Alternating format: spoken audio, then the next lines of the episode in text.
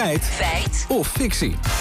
Over Lammert, de vernietiging ja, van die Kachovka-stuwdam in Oekraïne. Ja, dat heeft een enorme schade veroorzaakt. Ook aan het milieu. Staatssecretaris van Buitenlandse Zaken van Oekraïne zegt op Twitter dat dit de ergste milieuramp in Europa sinds de ramp in Tsjernobyl is. Nou, dat- is nogal wat. Ja, absoluut. Zelensky die hield het iets milder door te zeggen dat dit de grootste door de mens veroorzaakte milieuramp in Europa sinds decennia is. Maar goed, deze staatssecretaris gaat dus nog een stapje verder. Nou, dan gaan we rampen vergelijken. Wat voor milieurampen zie je dan tegenwoordig vaker in Europa? Ja, dat vroegen we aan voormalig hoogleraar rampenstudies George Frerks. We hebben natuurlijk in Europa, eh, vooral in Zuid-Europa, veel te maken met, met, met bosbranden. Eh, en waar natuurlijk ook aanzienlijke oppervlaktes, hè, tienduizenden hectares, vele vierkante kilometers eh, aan verloren gaan. In Centraal- en Midden-Europa hebben we last van overstromingen. Maar in ieder geval is het wel zo dat, dat ook in Europa de laatste jaren een enorme toename eh, van dit soort ja, natuurrampen plaatsvindt. In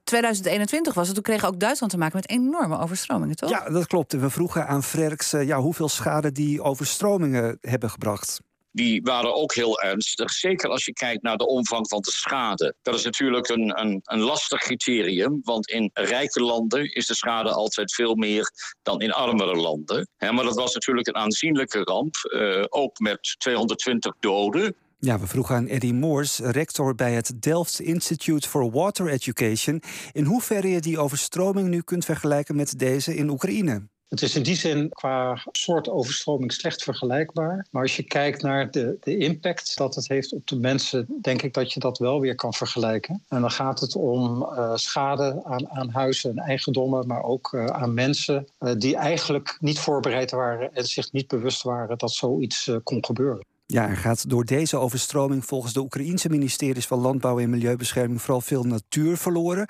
Maar liefst 55.000 hectare bos is overstroomd. Een beschermd natuurgebied van 80.000 hectare dreigt voorgoed te verdwijnen.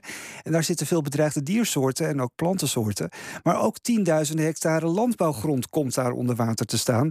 En wat de gevolgen zijn van die overstroomde landbouw, vertelt Eddie Moors. Op het moment dat je het over eh, zeg maar akkerbouw hebt, dan zal dat eh, in de meeste gevallen toch wel binnen een paar dagen weg moeten zijn. Wil je de eh, oogst eh, niet gaan aantasten? Dat kan betekenen dat je wel een, een eh, lage oogst gaat krijgen, maar gaat dat langer duren dan een week, eh, dan heb je kans dat je je hele oogst eh, gaat verliezen. En ja, het lijkt er toch wel op dat het water niet binnen een week weg is.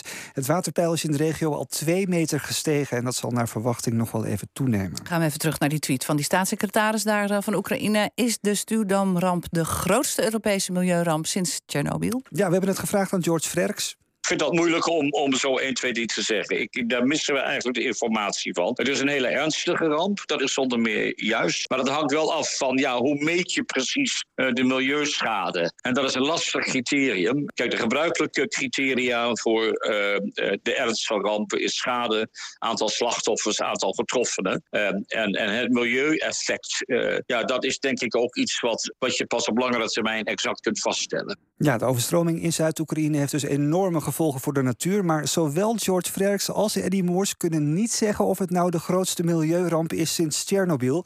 Dat heeft namelijk te maken met het feit dat het nog niet in te schatten is wat de schade precies is in deze regio. Dus vooralsnog is het fictie. Maar het is wel heel erg. Dat, dat, dat, dat, dat sowieso. sowieso. Ja,